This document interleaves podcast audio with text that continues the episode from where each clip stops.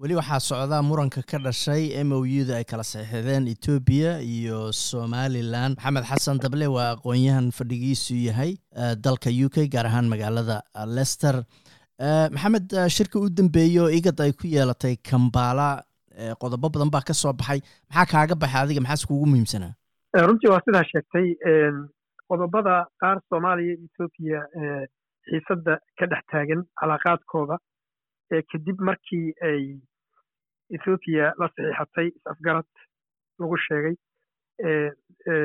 somalilan taasoo aad iyo aad uga cariisatay soomaaliya iyo dagaalka ka taagan sudan oo mataqaanaa ay ka muujiyeen walaac iyo dareen aad u weyn uguna baaqeen in ay dhinacyada ishayo ay nabad ay wada hadal yeeshaan gorgortamaadna iyagadna ay diyaar u tahay in ay fududayso wadaxaajuudyadaas markaynu u soo noqonno soomaaliya runtii qodobo aad u xoog badan oo arrinta ka dhexaysa ethoobiya iyo soomaaliya ayaa lagu soo qaatay sida masalan in ay xaqiijiyeen in mabaadi'da ay yani ud yaalla maxay aheeday igad ee ah in la ixtiraamo siyaadada qaran midnimada iyo sharafta dhuleed ama karaamada dhuleed ee dowladda soomaaliya ay tahayna in wixii macaamil ah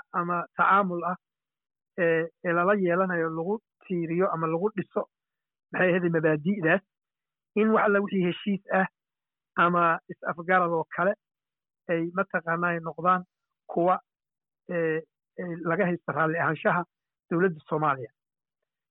Waxaa kaloo ugu yeereen in dowladda federaalka ethoobiya iyo dowladda soomaaliya ay xiisaha hoos u dejiyaan wada yeeshaanna beddelkeedii wada hadal runtii wax lagu dhisi karo.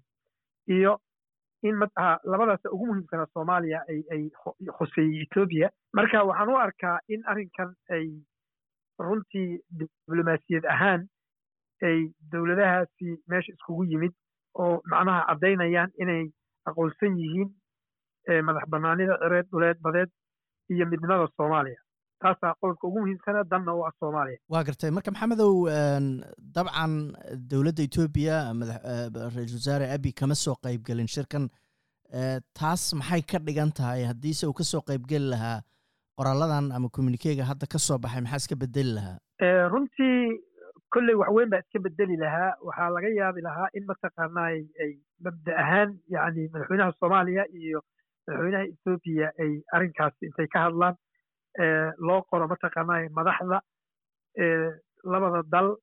Waxaa weeye wada hadal in ay yeelan doonaan wax taasoo kalea ka soo bixi kari laha hadduu imaan lahaa oo af diblomaasiyadeeda ma aha markii ugu horreysay oo qoraal ka soo baxa urur caalamiya ama dal ay ku xaqiijiyaan madax bannaanida cireed iyo dhuleed ee soomaaliya arrimahaas maxay ka bedeli karaan go'aanka abi mise weli wood ku adkaysanaya maxayse etoobiya ka leedahay? Arrimahan iska soo daba dhacayo lagu taageerayo soomaaliya? Ethoobiya waxay si bareer ah ayay u qaadatay mowqif colaadeed. Mowqif mataqaanaa damaceedii ahaa in ay hesho badda dhulka soomaaliya in ay mataqaanaa ay ku adkaysato hadalladii ka soo yeeraya mas'uuliyiinta kala duwanaa ee ethoobiya iyo maalinba maalinta ka dambaysa tillaabada dowladda etoobiya ay ku dhaqaaqayso madax bannaanida soomaaliya wax u dhimayso way sii xoogeysanayaan inkiraadda ah in shirkan uu imaado ama macno u yeelana abiye waxay sii xoojinaysaa in uu wax walboo baaqoo soo baxo uusan dheg jalaq u siin doonin tiisa uu ku adkaysan doono suuragalna ay tahay in uu xoog ku galo maxay aheday meelaha uu hadda somalilan heshiiska kala saxiixday waa gartay dowladda soomaaliya ilaa iyo hadda marka laga reeba arrimaha diblomaasiyadeed oo dalalka carabta muslimiinta africa iyadoo hadda ay u dambeysay dadaaladaas ama ololahaas ay waddo marka laga reebo maxaa kaloo u harsan oo khasnada ugu jiro oo ay arrintan uga hor imaan kartaa? Wax kaloo u dhiman ma laha. Intii ay samayn karta dowladdu way samaysay iyadaa isku sii tadheeranaysay iyadaa mataqaanaa wax badan xiirinaysay etoobiyana dhanka kale maalinba maalinta ka dambayso haraanti bay la dhacaysay. Marka wax u yaallo oo u dambeeya ama weji oo u sii yaallo ethoobiya ay ku kasban kartaa meesha kama muuqdaan. Aan ka ahayn in ay go'aan raganimo dowladda qaadato oo adag casiime leh oo xiriirka u jarta ethoobiya intaa unbaa u dhiman. Waa garta warar baa soo baxaya leh in ra'iisul wasaare abi uu isku dayey inuu madaxweyne xasan sheekh maxamuud la hadlo madaxweynuhuna uu diido yiri marka hore arrintaas waa inaad ka noqotid intaanaan wada hadlin. Arrimahaas maxaa ka runaa la dhihi karaa? Abise haddii hadda ay u suurowdo xasan sheekh maxamuud inuu la hadlo maxaad isleeda wuu dhihi lahaa? Wax hadda runtii qarsoon oo labada in ay mas'uul macnaha isku sheegi karaan oo ku saabsan maxay ahaday inay xaaladda wax ka bedelayso runtii ma jiraan abiyina go'aankiisa wuu cad yahay si sir ah inuu mataqaanaa kameer ahaan ama uu u marsado uu yidhahdo wadahadal baa naga dhexeeyo arrintani uu hoos u dhigo oo heerkii ay gaarsiisan tahay uu hoos uga soo dhigo. Ayuu runtii doonayey ma aha mid mataqaanaa xurmad iyo sharaf iyo qadarin u hayo mid ka noqonayana uma eka. Marka mar walbaba waxay huri doonin dowladda soomaaliya wixii intaa in badan ay dad badan kula telinayeen oo weliba shacabkeeda ah arrinkanna aad iyo aad u arkayey inuu meelka dhac weyn ku yahay sharafta soomaaliya. Inuu xiriirkaasi wax dambe sii xiriirin oo uu gooyo bay dantu ku kallifi doontaa. Inkastoo hadda isagu aad iyo aad uga jejeestay laakiin wax mataqaanaa wejigo meeshaas sii jiray inuusan jirin. Ayaa cad.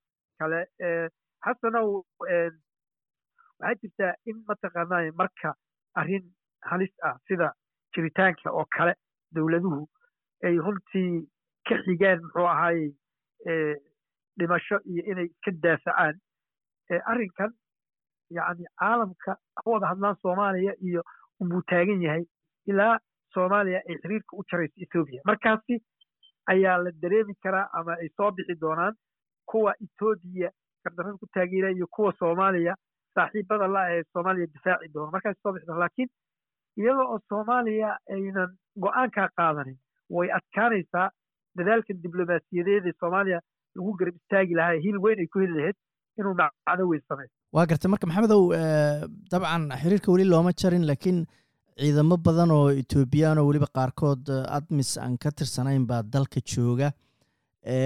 Arrintaasu sidee xal loogu heli karaa haddii dalka xiriir loo jaro ciidamadoodiina ay soomaaliya weli gudaheeda joogaan? Arrinta ma dhib badna qaramada midoobey bay soomaaliya u dirsanaysaa codsi in ciidamada laga qaado waana laga qaadaya. Sababta soomaaliya waa dal madax bannaan waa dal mataqaanaa qaramada midoobey kursi ku leh. Waxaad moodaa xagga diblomaasiyadda xagga qaramada midoobey golaheeda amniga iyo golaheeda guudba in laga gaabiyey. Oo ilaa iyo hadda dee wax baaq oo ka soo baxay qaramada midoobey safiirka u fadhiya soomaaliya uusan jirin. Wax mataqaanaa dhaqdhaqaaq ah oo mataqaanaa ay yeesheen ama loobi ay sameeyeen oo muuqdana uusan jirin waa laga yaaba wax hoos hoose inay jiraan. Laakiin waxa ilaa iyo hadda intaa dib loogu dhigayo ayaa iyada nafteeda aad iyo aad arrin loola yaaba ah waa gartay guud ahaan dowladdu sida ay arrintan u maaraysay ilaa iyo hadda gaar ahaan madaxweynaha soomaali badan baa waxay leeyihiin xilligan xilli laysdhaliila lama joogo madaxweynuhu intuu qaban karay iyo intuu samayn karay waa sameeyey diblomaasiyan soomaaliya ololo ballaaran bay qaaday ma jiraan dhaliilo loo soo jeedin karo dowladda oo aad is leedahay way ka gaabiyaan? Ha aad iyo aad dowladdu runtii markaad eegto maxay hedatay xumo xagga arrimaha dibadda soomaaliya way muuqataa maxaa yeele ilaa hadda wasiir maxay aheeday arrimo dibadeed oo macnaha rasmi ah oo faylkan maxaa leedahay si toosa gacanta ugula jira lama hayo wasiiru dowlaa jira. Arrinkaa kalbabedelka xiliye ay arrimuhu kacsan yihiinna waxaa weye iyadoona dhibaatadeeday leedahay macnaha istiraatiijiyad macno leh oo mataqaanaay dibadeed oo maxaa duruufaha hadda jira oo kale runtii wax ka qaban lahaa ama gaashaanka u daruuri lahayd inayna meesha aynan oolin baa muuqataa in mataqaanaay muxuu ahay jahwareer ay waxaasoo dhan baa lagu eedeynaya dowladda. Arrintan dhehaysa hadda in la isdhaliilo ma aha. Dowladdu waa la tusaaleynayaa waa la tilmaamayaa arrimaha mataqaanaay loo arko in mataqaanaay arrimahan lagu xallin karo ama ha noqoto muxuu ahaay baarlamaanka xaggiisa inay ka timaado ama bulshada ra'yidka inay ka timaado ama saxaafadda ay ka timaado ama maxay ahayd bulshada ra'yidka ay ka timaado cidday doontay ka imaanaysaa lexjeclada dadka ayay ayaa mataqaanaay ayaa nin walba dalkiisa lexjecel uu ka qaba.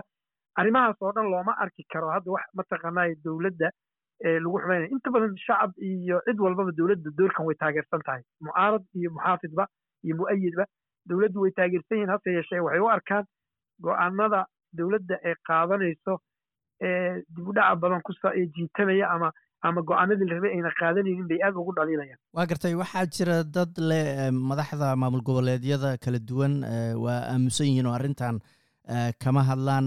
Aamusnaantaas ma waxaa loo qaadan karaa inay dee dowladda federaalka ah hawshaan leh uga dambeeyaan oo iyada u daayaan mise shaki kalaa jiro arrimaha etoobiya inay inay matalan ka hadlaan aysan rabin. Maxaa loo qaadan karaa aamusnaantaas labadaba waa la dhihi karaa laakiin waxay u badan tahay in ay isgaabinayaan oo ayna rabin inay runtii isu soo bixiyaan. Sababto etoobiya saameyn weyn bay ku leedahay soomaaliya.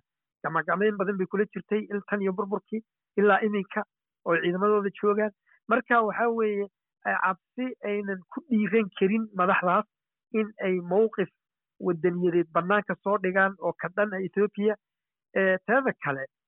Runtii wada shaqayn fiican oo maxay ahaday dowladda federaalka iyo dowladaha maamul goboleedyada ah oo horay u jirtayna ma jirin. Runtii markaad fiiriso aragti qaran oo guud ayaan jirin siyaasad hoose oo very inward looking ah oo markaan ku idhaahdo hoose oo liidato ayay ku wada shaqeeyaan. Marka arrimaha waxa weeye macnaha maamul goboleedyada iyo iyo dowladda federaalka aba in ay ka ka gudbaan oo aragti qaran ay ku shaqeeyaan oo runtii dalka ay mataqaanaa maslaxadiisa iyo midnimadiisa iyo qaran iyo siyaadadiisa lagu soo duulay. Ay meel oga wada guntadaan bay ahayd waxay ahayd in ay baaqiyo soo dowladda federaalka iyo ayaga intay shiraan hal baaq la soo saaro oo ay ku taageerayaan dowladda. Waxaasoo dhan ma dhicin waxaasoo dhan waxaa ugu wacan kala daadsanaanta iyo habqanka ka jiro muxuu ahayey wada shaqaynta dowladaha xubnaha ka dowladda federaalka iyo dowladda federaalka iyo kalsooni darro. Waa gartay dad baa qababa in arrintanu ay soomaalida guud ahaan midaysay oo aan midnimo aan hore loo arag soomaalida inteeda badan ay ku dhalisay. Arrintaas ma aaminsanta adugu aad iyo aad. Weliba fursad bay ahayd inay dowladda hadda uga faa'iidaysato in ay runtii maxaanaha ay ay ay macnaha kiciso codka wadaniyadda oo ay runtii hoosba waxa u nabmi lahaa oo macnaha baabi'i lahaa waxyaabahan gaarka ah ee ama ama reer ku dhisan ama ama interest gaara ku dhisan. Waxaasoo dhan baa meesha ka bixi lahaa. Waa xilliga ay ugu dhowdahay. Haddaad fiiriso somaliland shacabkeedii inta badan way ka hor yimaadeen go'aanka ay wada uu la galay heshiiska uu la galay is-afgaradka uu la galay ethoopia ee muuse bixi. Waa koonfuriga waqooyi waa arrinkii ay ka midaysan yihiin marka waxaa dib u soo noqotay xaalad abuurayso midnimo iyo wadaniyad taasoo runtii looga faa'iidaysan kari lahaa in runtii la xoojiyo dareenka wadaniyadeed waa gartay maxamedow soomaalida guud ahaan arrintan hadday sii socoto gobolka soomaalida etoobiya sidee u saameynaysaa shacab ahaan iyo dowlad ahaanba? Aad bay u saameynaysaa runtii sababtoo ah weli dadkaasi dad xor ka ah ma aha waa dad ethoobiya macnaha ay si qasaba ku haysato waa dad dhibaatooyin badan soo maray. Haddana waa babazon oo dhinaca waxay mataqaanaa ooga tahay aag amni bay u tahay ethoobiya waana waxii gumaystahay berigii hore xagga ay u raaciyeen oo maxaa ugu talagaleen in mataqaanaa ay ethoobiya dhulkeeda kale uu ku nabad galo. Haddii dhibaato dhiciso soomaali dhexdeeda ay noqoto wixii lagu dagaalamo. Arrimahaas ayuu u yahay marka la yidhahdo xagga horumarinta dadkaasi waa la gacan bidxiyaa marka ay noqoto midda kale dee dad madax bannaan oo hadda go'aan iyaga qaadan karana ma aha. Marka la yaab ma laha in madaxweynaha deegaankaasi uu taageero go'aanka ethoobiya sababto farac buu ka yahay xorna ma aha laakiin haddii ay dhibaato timaado dee saameyn weyn bay ku yeelanaysaa. Waa gartay arrimaha aad ayaamahan loo hadalhayay waxaa ka mid ahaa diyaarado labaah oo la sheegay in laga celiyey inay hargeyso ka degaan. Arrintaasu soomaaliya maxay diblomaasiyad ahaan u soo u soo kordhinaysaa? Arrinta soomaaliya gudaha marka la fiiriyo dowladdu arrinka waxay u soo kordhinaysaa in libin la siiyo in mataqaanaa ay hesho taageero kaarkii wadaniyadda ayay xoojinaysaa. Marka dowladdu waxay noqonaysaa mid ay dadka kasbato runtii bay noqonaysaa. Wadaniyaduna mar walba oo shisheeye la ishayo qofka marka waddankiisa taageero ama ololaha waddankiisa uu wax ku doonayo shisheeyaha inuu kaga adkaado xoojiyo ayaa taageerada buuxda helaya. Marka dowladdu kaar siyaasadeed bay u adeegsan kari lahayd fursadaha hadda yimid dhanka kale marka laga fiiriyo calaaqaadkani inuu xumaado etoobiya ayaa choiceka iyo ikhtiyaarkaa lahayd. Iyadaa dooratay soomaaliya waa lagu qasbay soomaaliyana waxay ahayd inay iyadana sideedoo kale oola tacaamusho oo calaaqaadka ay u jarto marka diyaaradahan diyaaradahan laga celiyey soomaaliya dadweynuhu soomaaliyeed aad bay u soo dhoweynayaan waa garta ugu dambeynta maxamedow arrimahan diblomaasiyadeed iyo communikeeyadan kala duwan oo adduunka ka soo baxaya cadaadis ballaaran baad moodaa inuu fuulay ra'iisul wasaare abi ma laga yaabaa mowqifkiisa arrintan ku saabsan in wax ka bedelo xasan oo arrinkani way adag tahay. U malayn maayo inay wax ka bedeleyso sida hadda habdhaqankiisa iyo behaviorkiisa guud iyo go'aankuu qaatay iyo siduu u socdo uma eka nin ka tanaasulay kaasina waxa uu ahaa maxamed xasan dable oo iigu warramaya khadka telefoonka ee magaalada lester ee dalka u k